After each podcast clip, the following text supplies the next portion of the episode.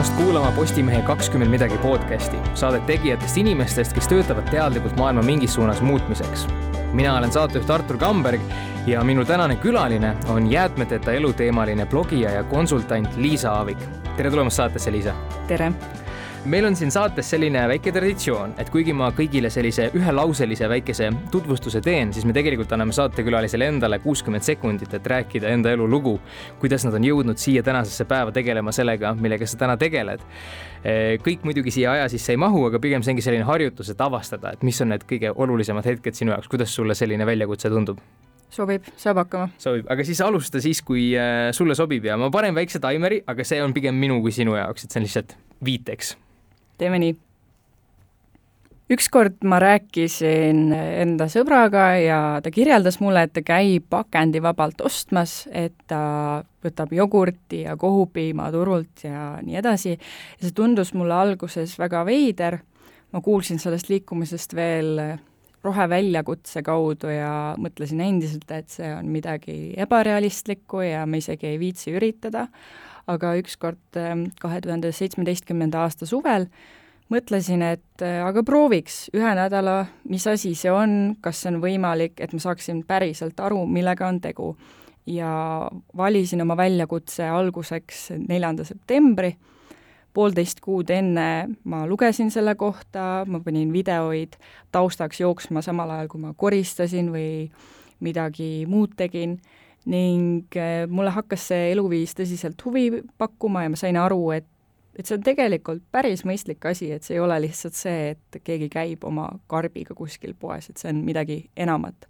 ja siis ma hakkasin panema üles pilte enda isiklikku Instagrami sellest teekonnast, inimesed hakkasid mult küsima väga palju küsimusi, kus sa seda ostad, mis sa siis teed, kui selline olukord on, ja tekkis vajadus oma blogi pidada blogist sai alguse see, et mind hakati kutsuma konsultatsioone andma sel teemal ja ja töötube tegema ning ka see, et äh, ma tõlkisin raamatu Jäätmeteta kodu eesti keelde selleks, et äh, inimesed saaksid veelgi paremalt spetsialistilt mitte, et ma mhm. meeletult hea oleks, aga veelgi paremalt spetsialistilt rohkem infot vot niimoodi on see läinud. lihtsalt huvi pärast, et see ei ole mul isegi küsimustes kirjas, aga kui vana sa olid, kui selline teema tundus sulle nii-öelda väärt pühendumist või uurimist, et tavaliselt inimesed hakkavad selliste teemade peale alles teatud vanuses mõtlema?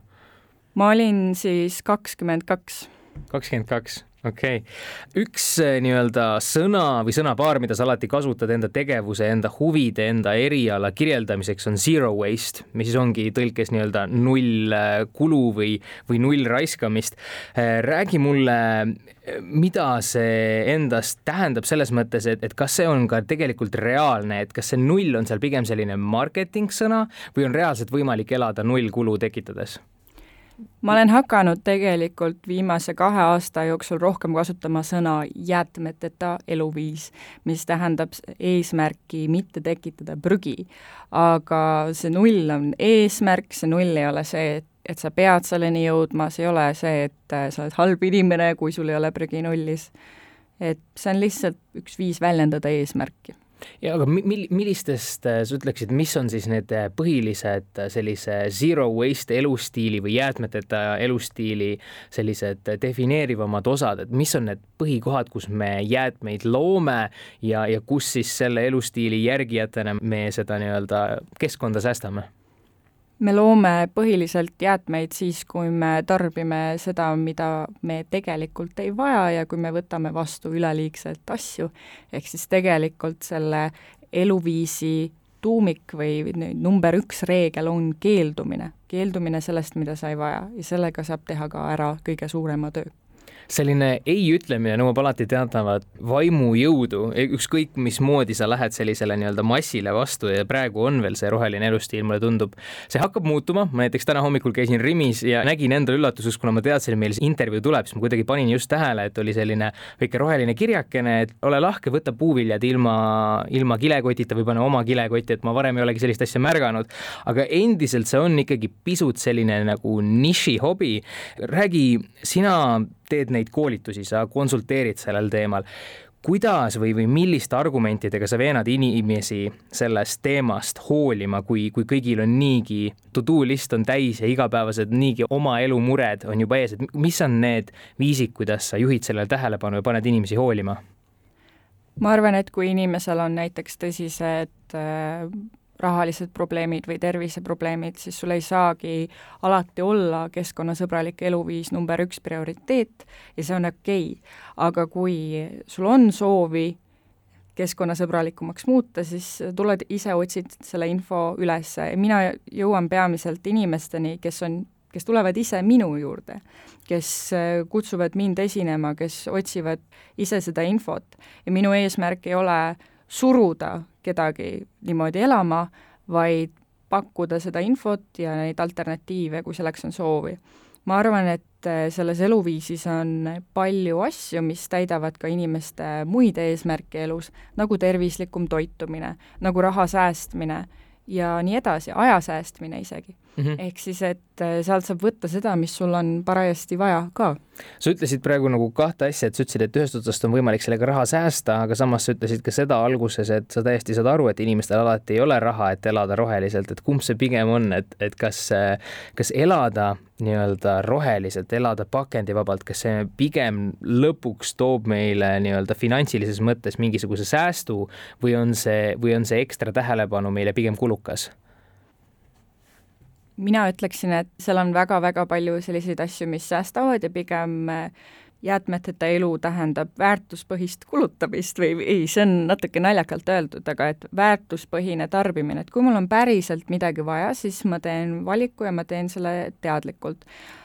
mida ma mõtlen nende rahamurede all, on see, et kui inimene on nendest nii halvatud, et ta ei suuda nagu keskenduda näiteks millelegi muule kui sellele, et ta ma ei tea, töötab kaksteist tundi järjest ja tuleb koju ja magab ja võib-olla teeb lastele, eks ole, keedab mingid makaronid kiiresti kokku ja li lihtsalt tahab magada, eks ole. See on see, see, mida ma mõtlen, aga kui inimesel on natukene nagu aega mõelda nendele asjadele pikemalt, siis seal on väga palju asju, mis aitavad raha säästa ja see ongi just see vähem tarbimine ja kui sellest nagu raha säästmist edasi rääkida konkreetsemalt, siis sa kunagi pidasid ka Swedbanki blogi ja sa kirjutasid seal hästi ühe huvitava artikli, et sellise keskkonnasäästliku elustiiliga sa hoidsid ühe aastaga kokku tuhat kolmsada kaheksakümmend neli eurot, mis on täiesti nagu selline ühe kuu palk. et mille arvelt sinu jaoks siis või sinu elus see sääst eelkõige kogunes? Ma parandan sind natuke, ma kirjutasin seda, et on võimalik säästa neid tuhat kolmsada kaheksakümmend neli eurot. et ise ma ilmselt säästsin vähem, sest et ma lihtsalt nii palju ei kulutanud, kui selles äh, Exceli tabeli näites toodud inimene mm, -hmm. aga sinna Exceli tabeli näitesse ma panin inimese, kes ostab ühekordseid nõusid niikuinii, kes ostab erinevaid asju, mida kõike mina ei ostnud et see tabel oli pigem selline võimalus arvutada igaühele, et mis tema kulutused nagu on ja ja kui palju ta võiks säästa erinevate alternatiividega. Kui sellele nii-öelda raha säästmise teemale selline viimane punkt panna, siis mul oli, sa oled sellise lause nii-öelda välja öelnud, et et jäätmete vähendamisest saaks igaüks teha endale tulusa sissetulekuallika. ma tahtsingi küsida, et kas sa mõtlesid pigem seda, et igaüks võib säästa sellise elustiiliga või, või mõtlesid sa midagi muud, et reaalselt on võimalik sellega ka teenida? sellega on võimalik teenida, kui sa märkad neid probleeme enda ümber, kus jäätmed tekivad ja otsid neile lahendusi. et Eestis on just eriti minu arvates viimase aasta jooksul kerkinud väga palju ettevõtteid, kes pakuvad erinevaid alternatiivseid tooteid, mis võimaldavad prügi ennetada. Ja samuti käisin nüüd nädalavahetusel näiteks õpilasfirmade laadal kus gümnasistid, kellel ei ole mingisugust meeletut sissetulekut endal eelnevalt olnud, peale võib-olla, võib-olla vanemate, olid teinud väga, väga leidlikke lahendusi selleks, et luua tooteid ja teenuseid teise ringi materjalidest, pakkuda asju, mis võimaldavad inimestel prügi vähendada. näiteks üks õpilasfirma oli teinud vana rahvamaja, vanas rahvamajas vahetatud põrandalaudadest, mis olid viiskümmend aastat vanad, lambid ja müüsid neid. ja selliseid näiteid oli veel ja veel ja veel. et kui õpilased saavad sellega hakkama, siis ma usun, et ka täiskasvanud ma ise hiljuti rääkisin või õigemini oli võimalus rääkida sellise ettevõtte juhiga nagu, nagu Wastefoxist Joonas Oras, kes siis on ka selline õpilasfirma, mis nüüd on siis kolmandat aastat tegeleb selliste kompostikastide tegemisega, mille siis inimesed saavad ka, ütleme, need, kes ei ela päris maal, saavad väga kiiresti oma toidujäätmed muuta siis kompostiks. et kas see on mingisugune, ma saan aru, et, et see sinu jutu mõte, et kuidas sellest keskkonnasäästlikust eluviisist võib luua endale sissetuleku, on see, et, et selle selle järgi on tekkinud vajadus, meil on tekkinud vajadus elada keskkonnasäästlikult ja seetõttu on tekkinud nagu uust sorti nõudlus turule, mida on võimalik siis ettevõtjatel rahuldada, on see, mis sa mõtled? jah, põhimõtteliselt on jah. Okei okay,, suurepärane aga kui sellise, enne kui me liigume nende järgnevate selliste põhjuste juurde, miks olla keskkonnasäästlik või miks sa ise oled keskkonnasäästlik, siis, siis selline nagu üleüldiselt võib-olla kokkuvõte või ennatlik küsimus, et, et kas on tegelikult niimoodi, et see keskkonnasõbralikkus on meil lihtsalt mugavuses kinni, et ma olen seda hästi palju kuulnud nii-öelda arutletavat, et meil on lihtsam planeeti lagastada ja, ja me oleme inimestena oma loomuselt laisad loomad ja see on see, miks meil on nii-öelda probleem sellise elustiili äh, vastuvõtmisega. ma isegi ütleks pigem, et harjumustes, et mõned keskkonnasõbralikuma eluviisi harjumused on tegelikult oluliselt mugavamad. ma ei pea nii paljusid asju minema poodi ostma, mida teised peavad minema poest ostma, sellepärast et mul on mingisugune korduskasutatav alternatiiv olemas. ja, ja ma tunnen, et mingite asjade poolest on minu elu palju lihtsam. nii et ma ütleksin, et hästi palju on asi oma uute harjumuste kujundamises, motivatsioonis seda või soovis seda teha ja, ja ka teadlikkuses kindlasti. aga muidugi väga erinev on see, kas inimesel on näiteks mugav minna mingisuguseid tooteid kuskilt pakendivabalt ostma või mitte ja seda seepärast, et me elame erinevates tingimustes, erinevates asukohtades ja nii edasi ja meil on erinev võimalus otsustada oma peres toimuvaid asju. nii et sealt võib see ebamugavus mängu tulla küll, aga samas on nii palju asju, mida inimene saab ära teha isegi täiesti tavalises poes käies ma arvan, see ongi see küsimus, et, et kas see teema on sinu jaoks aktuaalne, et kas ta on üldse sinu radaril ja see võimaldab ka sul märgata neid kohti, kus siis, kus siis elada nii-öelda pakendivabamalt või rohelisemalt, et, et näiteks kuna ma siin paari viimase päeva jooksul valmistasin neid küsimusi ette ja mul oli see intervjuu ikkagi meeles, et see nüüd tuleb meil, siis ma näiteks käisin Solarises, seal on valmistoidu lett on ja, ja siis ma nägin, et seal oli ka selline kiri, et võid tulla oma karbiga, mida ma ei ole elu sees varem äh, nii-öelda märganud. ja, ja kui me juba tegelikult toidust räägime, siis, siis üks suur pluss, mida sa alati sellel teemal arutades tood, on see, et selline jäätmevabalt, püüd siis võimalikult jäätmevabalt elada, on muutnud sinu toitumise tervislikumaks on muutnud sinu tervist paremaks. et kuidas, kuidas see, et meil on alati see stereotüüp, et tervislik toit kuskilt ökopoest on ääretult kallis ja, ja kuidas sina enda jaoks need nii-öelda asjad oled, kuidas, kuidas need avalduvad sinu sellises elustiilis? see on väga lihtne, ma söön palju töötlemata toitu ja valmistan palju asju ise sellest, mis ma pakendivabalt saan, mistõttu minu toitumises on olemas kõik olulised asjad ja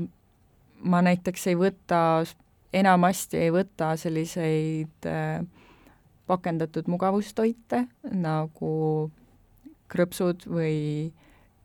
või mingisugused batoonid, sest et need on pakendatud ja ma võtan mingisuguse teise alternatiivi, mis on ehk isegi toitvam. kas sa ütleksid, et see on siis, või te, ma tahtsin ju sinult, sinult tegelikult küsida, et, et kas sa ütleksid, et see, et see teema ongi siis pigem selles, et sa oled kujundanud endale vastavad harjumused, mistõttu sul ei ole enam keeruline niimoodi elada. et kas ma, kas ma eksin, kui ma nii väidan? Jaa, ma olen kujundanud endale sellised harjumused. muidugi ma ei söönud enne ka kuidagi väga-väga ebatervislikult või mul ei olnud sellega probleeme, mul ei ole mitte kunagi sellega olnud probleeme, aga kui ma vaatan nüüd oma toitumist, siis kindlasti see on nagu veel tervislikum ja ja täidlasem, see vist ei ole hea sõna sain aru täitsa, mis sa mõtled. Toitumisest nii-öelda rääkides, siis sa oled kirjutanud ka seda, et see, kuidas ja mida me sööme, nii-öelda vaadates sellist globaalset tasandit, on, on suurem keskkonnaprobleem kui see, et me näiteks autodega sõidame. kas see on tõesti nii või, või millest see tuleneb, miks sa nii väidad? söömises on kaks asja, esiteks äh, nagu ei tohiks millegagi liialdada ja teiseks ei tohiks toitu raisata ja täpselt nii lihtne see asi on, kui me raiskame toitu ja kui me näiteks äh, sööme liigselt liha, siis see on halb meie rahakotile, meie tervisele ja ka keskkonnale. Kas oli mingisugune, kui ma ei eksi, siis oli selline teema, et, et liha tootmises kordades rohkem siis kulub kütust, vett, äh, manuaalset nii-öelda tööjõudu, et äh, ma saan aru, et see on see põhiline koht, kus see sääst või kulu tekib? Jah, põhimõtteliselt küll, et põhiasi on äh, toote puhul mitte niivõrd isegi transport enamasti, vaid see, et milline on olnud see tootmisprotsess. et näiteks taimsete toitude puhul on äh, erandiks, on pehmed toidud, mis on toodud kaugelt ja mis vajavad teistsuguseid säilitamistingimusi ning äh, asjad, mis lennutatakse lennukiga kohale, aga tegelikult see transport ei pruugi alati nii oluline olla, et võib-olla esimene asi, mida inimene peaks tegema, on vaatama, et äh, äkki ei peaks iga toidukorra, see on liialdus kindlasti, aga äkki ei peaks iga toidukorra juures liha sööma, vaid sööks äh, mõned toidukorrad vähem liha. minu arust on see väga lihtne asi, mis teha, et muuta oma toitumist tasakaalustatumaks ja, ja mitte ei ole olemas sellist asja nagu ebatervislik toit, aga on olemas liialdamine. muidugi mm -hmm. mina ei ole toitumisekspert, mina ei ole teinud neid uuringuid, ma olen äh, tavaline inimene, kes loeb neid uuringuid. ehk siis, et kõik nendele küsimustele spetsiifilisemate vastuste saamiseks tuleb, äh, tuleb kutsuda keegi teine siia arusaadav sa ennist mainisid seda, et sinu elu on tegelikult väga palju lihtsam võrreldes võib-olla inimestega, kes ei ela nii pakendivabalt, kuna sa, sa ei pea nii palju poes käima, sul on väga palju asju, mis on korduvkasutatavad ja, ja üks teema, mis, mis minu arust ka tänapäeval on hästi aktuaalne, on see, et me riideid tarbime nii-öelda, see sõna on selline kiirmood, et, et me, me ostame,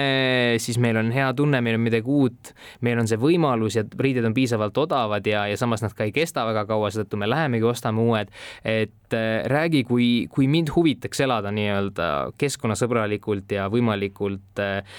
jäätmeid tekitamata, mis on need nõuanded, mis sa võiks mulle nii-öelda riietumise osas anda?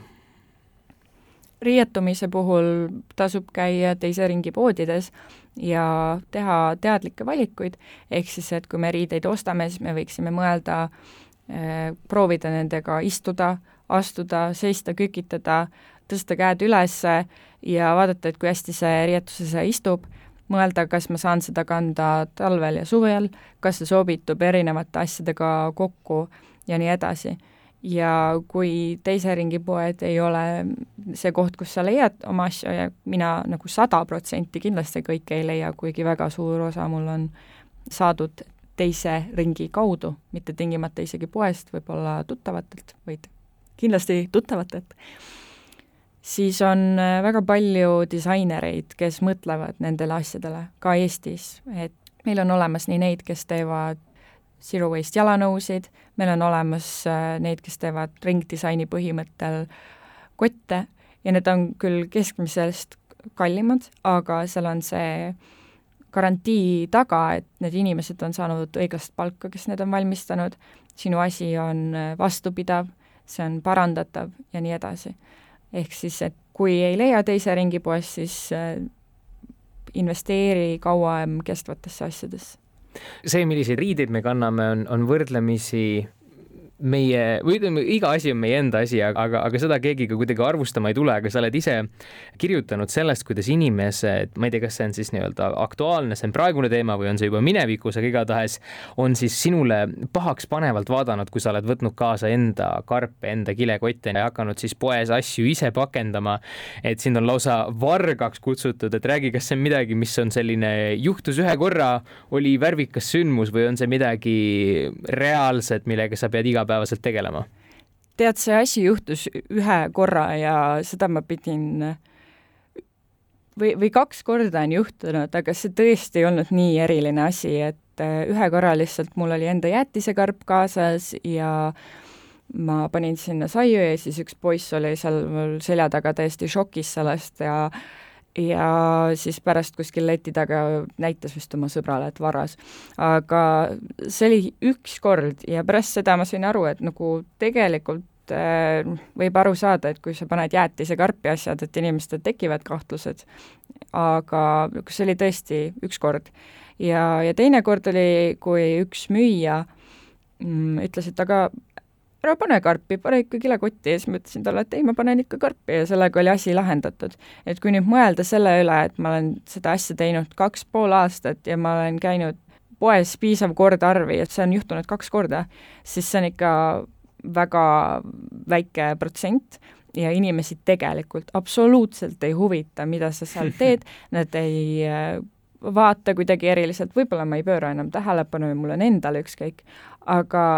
inimestel on enda muredega tegemist ja neil on jumala suva, kas sa tuled oma karbiga või mitte. see pigem on nagu selle, selle inimese enda peas, kes vaatab, et ma nüüd panen asjad oma karpi, et sellist nii-öelda zero waste elustiiliga inimeste diskrimineerimist meil ei ole, jah? kindlasti mitte, kõik on täiesti okei okay ja üldse ei tasu karta, et ma kujutan ette, ma saan aru, kui imelik on äh, minna esimest korda midagi uut tegema, mida sa ei ole varem teinud ja teha seda teiste inimeste ees, aga tõesti, enesekindel tuleb olla, see ei ole ju tegelikult mitte midagi erilist. ja, ja, ja tegelikult see ei ole ka mitte midagi uut, sellepärast et nõukogude ajal inimesed käisid ja ostsid asju niimoodi. Ja endiselt täiesti tavaline, normaalne asi miks ma küsin, on seepärast, et ma tunnen iseennast süüdi, et ma kuna ma siin ennist sellist äh, valmistoidu kaasostmist mainisin, siis, äh, siis see oli küll nii-öelda enne seda, kui me sinuga vestlema pidime, aga see kuidagi moment on mulle hästi meelde jäänud, kuidas ma käisin äh, valmistoiduleitist siis toitu võtmas ja seal vaatasin, et oh, nii tore roheline lahendus, et see alumine karp, kuhu sa siis oma toidu tõstad, mida sul kaaluda on võimalik, et see on papist. mõtlesin nagu vau wow,, innovaatiline, super, plusspunktid teile. siis tõstan oma toidu ära ja siis vaatan, et see pealmine karp on endiselt plastikust ja ma teadsin, et ma kõnnin sellest letist läbi, ma maksan oma toidu eest ära, ma istun sinnasama pingi peale, mul on kiire, ma söön selle toidu ära ja siis ma viskan selle pakendi ära. ehk siis ma mõtlesin, et selle plastikkaane võtmine on, on selline tohutu raiskamine, aga samas ma tundsin ennast kuidagi väga äh, ma tundsin piinlikkust või ebamugavust mõttest, et ma lähen sellise lahtiselt aurava hakklihakastmega, lähen sinna, kus teistel inimestel on oma kaubad, on leti peal ja siis äh, kuidagi presenteerin seda sinna, et tere, et ma tahaks maksta, et jah, mul ei ole kaante ja siis äh, ja siis mul oli sees selline nagu sisemine heitlus, et selline sotsiaalselt ebameeldiv olukord või ebamugav olukord versus siis see, et, et ma käituks enda nii-öelda väärtuste järgi. Ja ma lõpuks võtsin selle plastikkaane ja viskasin selle kohe selle leti taga ära ja, ja sellepärast see hetk on mulle meelde jäi, et kuidas sina selle olukorra oleks lahendanud või millist nõu sa mulle annaksid või, või kuidas sa, kuidas ma kujutan ette, kui inimesed tulevad sinu juurde nõustama, siis see on väga selline inimlik asi tunda ebamugavust teistest erinedest, me oleme niisugune nagu karjaloomad, on ju, et kuidas sa nõustaksid mind? no üks hea koht, kuhu minna sellisel puhul on äh, iseteeninduskassa, kui see on seal olemas, aga ma saan aru, miks sa selle otsuse tegid, sellepärast et äh, toidupoes on palju inimesi, äh, nad köhivad, nad aevastavad ja, ja nad äh, jooksevad sulle otsa ja sa võid vabalt kellelegi selle peale ajada. mina lahendan tavaliselt selle olukorra niimoodi, et ma tean juba päeval kodust väljudes, et, et ma ilmselt tahan süüa ja mul on midagi siis vastavalt kaasas selle jaoks, et see söök sinna panna et see on äh, minu arust okei okay,, et sa selles hetkes selle olukorra niimoodi lahendasid, aga kui sa oled valmis ise ja kui sa tahad seda teha, siis sul on võimalus võtta edaspidi mingisugune oma äh, karp või on erinevaid ka kokkuvolditavaid lahendusi olemas, et võtaks vähem ruumi ma just mõtlengi, et, et selline toidukarp on üks asi ja üks hästi lihtne asi, mida ma ka ise olen aastaid teinud ja mida, kui ma ei eksi, siis ka sina muutsid, kui sa enda elustiili juures, kui sa hakkasid nii-öelda elama selliste jäätmete vabalt, on see, et sa kandsid oma veepudelid kaasas. ma ise ei ole enda jaoks matemaatikat teinud, et kui palju ma säästan, aga kas, kas oli niimoodi, et sa tegid enda jaoks mingisuguse arvutuse, et palju sa aastas kokku hoiad, kui sa iga päev seda pudelit vett poest ei osta? jaa, üle kahesaja euro, et et äh, kui arvestada, et näiteks tööpäevadel ostad mm -hmm. või nii, üle kahesaja euro on võimalik äh, kokku hoida ja see on ainult see veepudel, neid väikseid asju on veel ja veel meie elus, kus raha jookseb ühekordsuse pealt kindlasti. kui, kui rääkida nendest takistustest, mis, mis takistavad inimestel äh, elamas sellist elu, nagu nad arvavad, et nad võiksid elada, siis ma kujutan ette, et üks põhilisi selliseid vastuväiteid ja ilmselt sa kindlasti paranda mind, kui ma eksin, aga kui ka siis, kui sa käid inimestele nagu loenguid andmas, on ikkagi see, et, et see vajab aega, see vajab tähelepanu, et teha endale ise süüa ja, ja otsida neid poode või, või võimalusi, kuidas saada pakendit osta ja nii edasi, et, et sa pead oma elus planeerima, sa pead arvestama selle uue elustiiliga, et, et sul ikkagi oleksid need kotid või veepudelid kaasas. et kui palju on sellistel muredel sinu sinu arust alust või, või, või kuidas sellist pakendivaba elustiili meie sellise tänapäevase kiire elutempoga üldse sulandada? ükskõik millise muutuse puhul, mida sa oma elus soovid teha, on vaja investeerida aega. ükskõik, kas sa tahad saada vormi, süüa tervislikumalt, säästa raha, sul on vaja investeerida see aeg ja ma arvan, et see jäätmetute eluviis on nagu päris hea kombo erinevatest inimesele endale kasulikest asjadest et kindlasti see on, see on tõsi, et eh, kui sa tahad midagi uut õppida, siis ega see sellest ei tule, et paned raamatu padja alla ja järgmine päev oskad mm, -hmm. vaid sul on vaja investeerida aega sinna. kui nagu jätkata seda teemat, et kui on soovi siis sellesse elustiili rohkem aega investeerida ja nagu sa ütlesid, õppida, siis eh, mis on need nagu kohad, kust enda harimist alustada või mingisugused materjalid või on mingisugused inimeste grupid, ma ise ei üldse ei kujutagi ette, et oletame, et ma tulen sinu juurde nõustamisele, kust ma võiksin alustada? räägime siis kõige lühemast kõige pikemani. et mina näiteks võtsin Youtube'i lahti ma tahtsin näha, kuidas elab üks selline inimene, missugune on ta kodu, kuidas ta ostmas käib ja vaatasin ära, mis oli kaheksaminutiline klipp Bea Johnsoni pereelust ja see avaldas mulle väga muljet. sest et ma nägin, et neil on ilus kodu, nad näevad normaalsed välja, nad ei ole, ma ei tea, kasimata, nad ei kogu prügi koduseni. ja siis Eesti gruppidest pakendivaba poodlemine on Facebookis, lisaks on erinevaid äh, väiksemaid gruppe nagu Zero Waste Tartu, Tallinn, Estonia kus saab nõu küsida, lisaks prügivaba elu, et neid inimesi, see kogukond on meeletult minu arvates kasvanud või minu teada, ma ütleksin, et kuskil viimase kahe aasta jooksul on see, või pooleteist aasta jooksul on see kolmekordistunud pakendivabas poodlemises. on mitmeid blogisid, minu enda blogi suletudring.ee, nullkulu.ee ja neid blogijaid on veel kolm korda ise Ketksel, Laura Hates Plastic ja, ja veel ja veel, et need leiab ka, minu blogis on nendest ka kirjas äh, rohkem infot. aga kui on soov nüüd saada hästi selline kompaktne, põhjalik info, mis võtab iga su noh, võtab su köögi ette, kõik su harjumused ette, siis see jäätmeteta koduraamat Bea Johnsonilt, see on väga põhjalik, muidugi mina soovitan äh, suhtuda sellisesse infosse, mis, mis seal raamatus on ka kirjas, mis puudutab sinu tervist, mis puudutab sinu suuhügieeni ja nii edasi, teatava kriitilisusega, et seal tuleb ikkagi, ei saa uskuda kõike, mis netis on. kui sa hakkad ise endale mingit hambapastat tegema, siis küsi oma hambaarstilt, et ta ilmselt ütleb sulle, et see ei ole nagu väga mõistlik asi, aga on olemas pakendivabu alternatiive, mis on tehtud inimeste poolt, kes asja tunnevad ja, ja mitmed sellised asjad, et, et see jäätmeteta kodu on tõesti väga põhjalik ja korralik. sina oled ikkagi endale selle teema selgeks teinud, sina elad väga nii-öelda võimalikult jäätmetevabalt ja, ja sa oled teinud neid pingutusi, sa võtad kaasa endale need kotid, need pudelid. kuidas sa tegeled sellise asjaga, et äh, jällegi midagi, mis on väga inimlik, et sina näed ju vaeva, sina ju,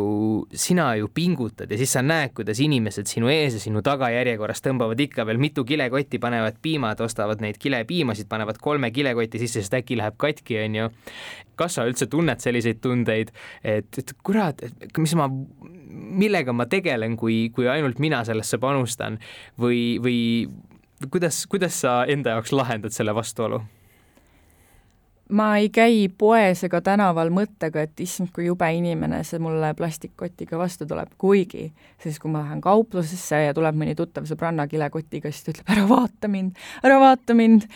et ma võtsin täna selle plastkoti, ma isegi ei pane tähele, sest mind nagu, ma pigem tegelen iseendaga, iseenda harjumustega. aga mis puudutab seda, et kindlasti on olemas see soov, et ka teistel oleks lihtsam ja võimalikum seda muutust ellu viia. selleks on mul see blogi, kus ma infot annan, selleks me tõlkisime selle jäätmeteta kodu ära, selleks ma käin koolitamas ja lisaks me püüame arendada välja sellist rahvusvahelist platvormi pakendivabadele poodidele, mis võimaldab neil teha pakendivabalt inimestele toidu kojuvedu. ehk siis, et noh, ei ole mõtet nagu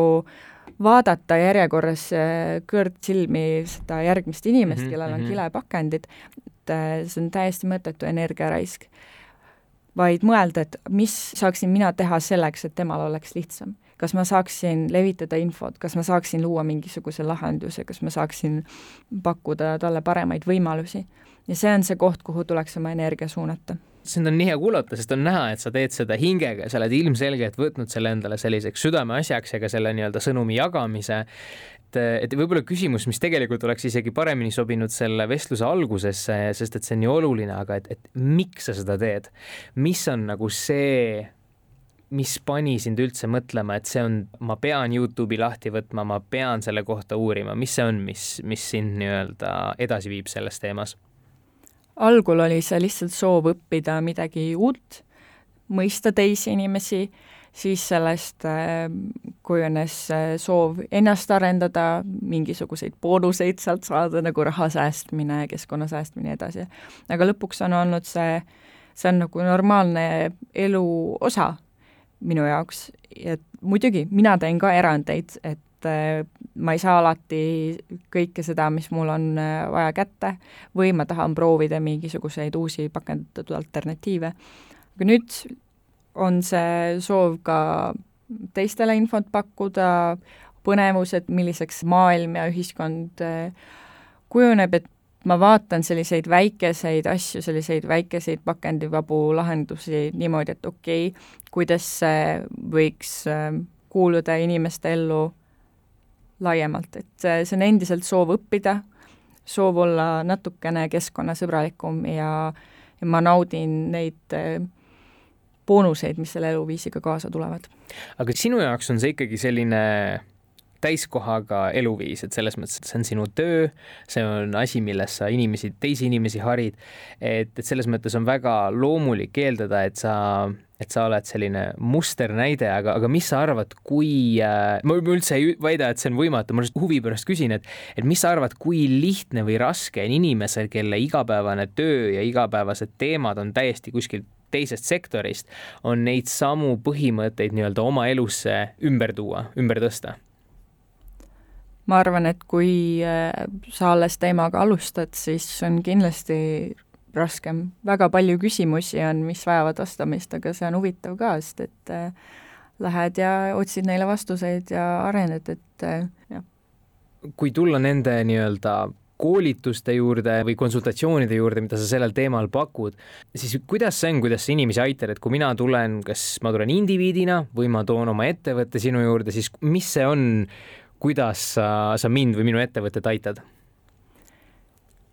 õpitubades me räägime peamiselt sellest, et äh, miks meil on vaja oma tarbimisharjumusi muuta, kuidas me saaksime neid muuta, kas see on üldse võimalik, jah, et kas see on võimalik ja ja siis iga inimene leiab enda jaoks selle, et äh, kuidas tema oma tarbimisharjumusi muudab. Ma ei ütle mitte kellelegi, mida täpselt tema tegema peab, kuidas tema täpselt elama peab, vaid äh, iga inimene peab sellele järeldusele jõudma ise ja arutelu ja sellise õpitoa käigus äh, ta leiab sealt endale infot, et mida tema saaks teha aga miks me peaksime siis, kui need küsimused uuesti üle käia, et mis see, mis see põhjus on, et miks me peaksime siis enda tarbimisharjumusi muutma? seal on äh, mitmeid põhjuseid ja kui ma jätan praegu välja kõik need isiklikud kasud, mis seal kaasa tulevad, siis äh, üks asi on see, et me tarbime kollektiivselt maaressursse liigselt ja ilmselgelt see asi ei saa nõnda jätkuda. teiseks, me tarbime liigselt ühekordset plastikut, mis reostab erinevaid teid pidi meie loodust ja millel on oma jalajälg. ja see lühidalt kokku võetuna ongi see põhjus, aga kui me räägime sellest, et mida inimene, nüüd tuleme selle juurde, et mida inimene ise saab, siis eks ole, esiteks soov keskkonda säästa, raha säästa, tervist säästa, olla rõõmsam, õnnelikum inimene ja, ja ka aega säästa mm. -hmm. üks küsimus, mis sa veel seal mainisid, millega te nii-öelda töötoas tegelete, on see, et kas üldse on võimalik maailma päästa või kas on üldse võimalik keskkonna siis nii-öelda eh, keskkonna säästmisega mingisugust äh, muutust ellu viia, et kuidas sina näed, kas see on äh,, kas see on pigem selline tuulikutega võitlemine, aga me teeme seda siiski või, või ärkad sa hommikul üles ja sa tunned, et me teeme midagi ja sellel on mõju ja, ja sellel on nii-öelda tagajärg? ma arvan, et äh, väikestest asjadest algavadki suured muutused, kui me oskame omaenda elus toimetada ja teame, kuidas olla keskkonnasõbralikum, kuidas tarbida või mitte tarbida ressursse tõhusamalt ja nii edasi, siis me oskame neid teadmisi rakendada ka suuremates valdkondades. saame aru, missuguseid lahendusi on vaja eh, teistel inimestel, suurematel kogukondadel. ehk eh, jah, kui sina jood korra kuus ühest topsist kohvi ja ja nüüd jätad selle ühe topsi kohvi ära, siis võib-olla noh, samal ajal äkki tasuks mõelda sellele, et äkki kontoris, kus äh, tarvitatakse kolmsada kohvitopsi päevas, et äkki seal ettepaneku tegemine, et äh, kasutame päris tassi ja nõudepesumasinat või ja, ja igaüks äh, kasutab oma tassi, et see on võib-olla tulemuslikum, aga see tulebki sellest ju, et, et sa saad enda elus aru, et mõistlik on mitte ühekordseid ressursse liigselt tarbida mm. -hmm. me oleme nüüd praegu hästi keskendunud sellele nii-öelda isiklikule teemale, mida inimene saab ise teha, aga aga sa oled, nagu sa ise mainisid, sa oled ka tõlkinud ühe ingliskeelse raamatu eesti keelde, mis on sellest pärit. ma tahtsingi küsida, et, et kuidas sellega välismaal on, et meil siin nagu, nagu me just enne ka arutasime, et on ilmunud Rimisse mingisugune märge, et jäta kilekott võtmata, meil on Solarises võimalik oma nii-öelda karbiga toitu kaasa võtta. et siin ma näen juba mingisuguseid muutuseid, mida ma näiteks enne ei märganud, aga kuidas sellega välismaal on, et kas me oleme pigem pioneerid, pigem üritame järgi võtta või, või kuidas see olukord on? päris raske on niimoodi öelda, sellepärast et riigiti on olukord väga erinev, me kindlasti, mina ütleks, et me ei ole juhtival kohal, et see, et meil on pandipakendisüsteem, see on päris lahe ja aga näiteks äh, prügi sorteerimise ja ressursside väärindamisega üldiselt me oleme küll nii mõnestki riigist maas ja lahedam oleks see, kui me oleksime selles valdkonnas äh, juhtivad ma elasin eelmine aasta poolteist kuud Sloveenias ja ma ütleks, et äh, kui on soov kuskilt šnitti võtta, siis see on see riik, äh, kus äh, vaadata eeskuju. kõik sorteerivad prügi ja, ja kusjuures nagu enamik prügist läheb ümbertöötlemisele, seal on olemas võimalused, väga head võimalused pakendivabalt ostmiseks, vähemalt Ljubljanas, seal on olemas pealinnas rattaringluse rattad, mis maksavad mille kasutus maksab kolm eurot üks aasta. ja väga-väga palju asju veel. ehk äh, mina ütleks, et äh, meil on, kellele järele jõuda mm, -hmm. aga kindlasti väga paljud riigid, nii palju, kui ma olen äh, erinevate koostööprojektide raames suhelnud teiste inimestega, vaatavad meile natukene ka alt üles ja tunnevad, et me oleme neist paremal tasemel aga minul on ikka selline tunne, et ee, ei no,. sa oled selle ala nagu inimene ja siis sa näed neid kohti, kus on nagu arenguvõimalusi. kui selle ülemaailmse teemaga pisut jätkata, siis sina oled oma teemades hästi keskendunud sellele, kuidas indiviid saab ise muutust teha. kas sa näed, et siin ongi nii-öelda selle muutuse, selle keskkonna parandamise vastutus on igal inimesel endal või on mingisuguseid nagu suuri tähendusrikkaid muutuseid, mida saaksid ka, olgu siis riik, Euroopa Liit, kohalik omavalitsus nii-öelda täide viia või on see ikkagi inimese enda teha? ma usun, et igaühel on vastutus ja ka nii-öelda siis seal ehm, riigi juhtimise eesotsas on ikkagi ju inimesed ja selleks, et nagu ma eelnevalt mainisin, selleks, et inimene saaks aru, milliseid muutusi tema riik vajab väga hästi, selleks ta peab suutma ka oma eraelus nendele mõelda. et ma ei usu tingimata, et inimesed on vastutavad selle eest, kui ettevõte otsustab saata suures plastikuhunnikus neile tooteid, ma arvan, et väga suuresti see peabki just äh, algama ettevõtetest, see peab algama seadustest ja nii edasi. aga seal on ju ka inimesed, seal on ju ka üksikisikud mm. -hmm aga oletame, et Riigikogus äh, midagi juhtub, neil on vaja tund aega oodata, otsustatakse kollektiivselt kakskümmend midagi podcast'i seda episoodi kuulata ja, ja sul on võimalus anda selliseid soovitusi või nõuandeid, et mida võiks veel teha nii-öelda sellisel riigi valitsemise tasandil selleks, et muuta meie elu siin Eestis keskkonnasõbralikumaks, mis oleks need soovitused või muutused, mida sa hea meelega näeks, et äh, ellu viidaks? Ma arvan, et ma peaksin teemadega natukene spetsiifilisemalt tutvuma, mida ma tean, et äh, riik juba teeb, on äh, ringmajanduse aktiivne edendamine, aga üks asi, kus äh, mina olen võib-olla natukene teistsugusel seisukohal, on see, et ma hästi usu sellesse, et piisab sellest, et lihtsalt inimesi teavitada, et sorteerige prügi. et Ljubljanas elades ei olnud mitte mingi probleem absoluutselt kõik äh, sorteerisid prügi ja, ja see tulenes sellest, et neil on, äh, esiteks see on äh, kohustus, seaduslikult sa saad trahvi, kui sa ei sorteeri korralikult prügi, seda kontrollitakse ja see töötab. selline nummi lähenemine, et äkki näete, et,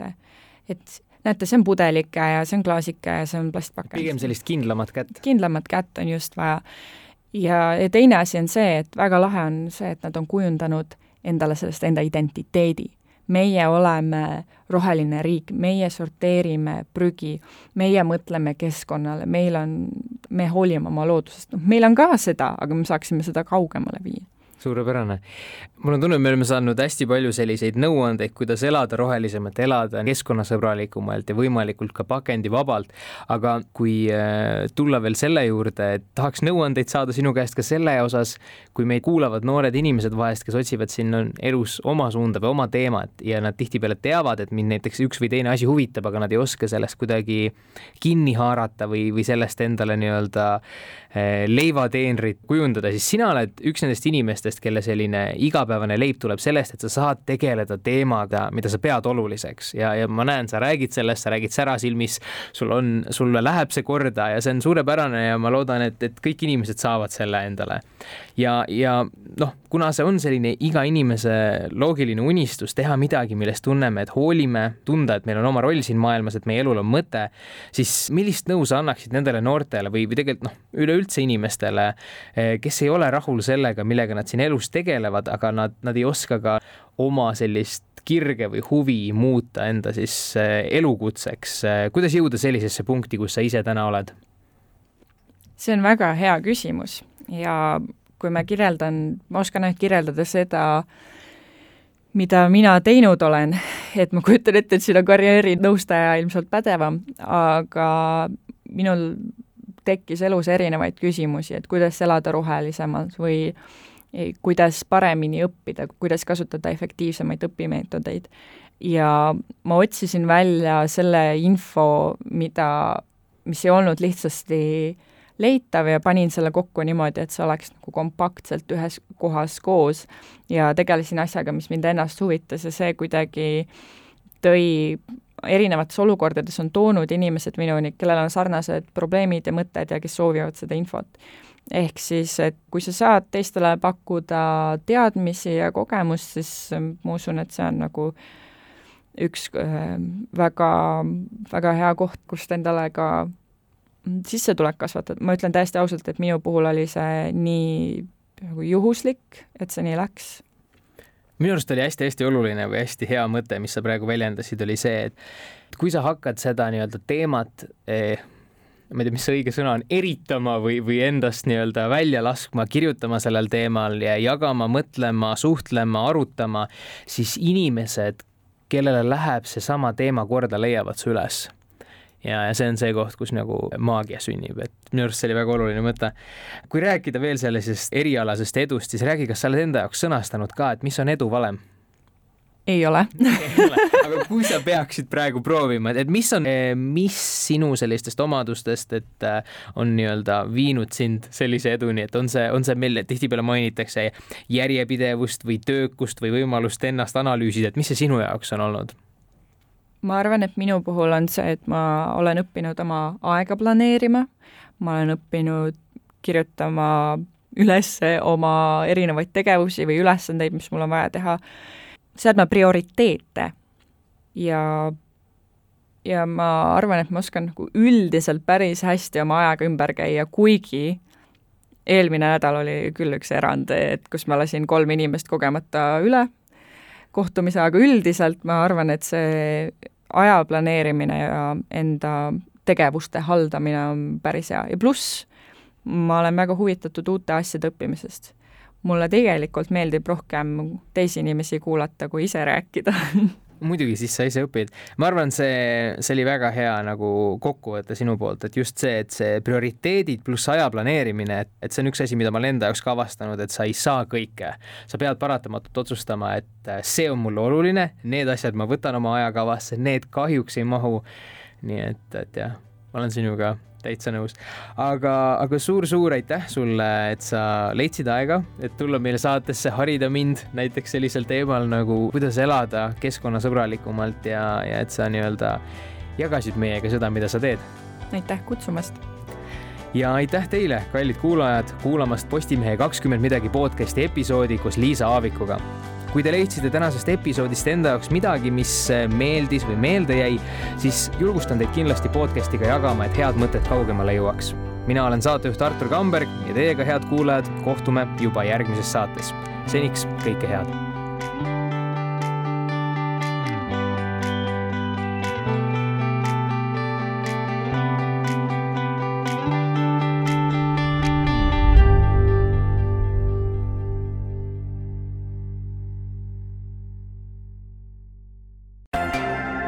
kogu saade on kuulatav Postimehe digipaketi tellijatele veebilehel podcast.postimees.ee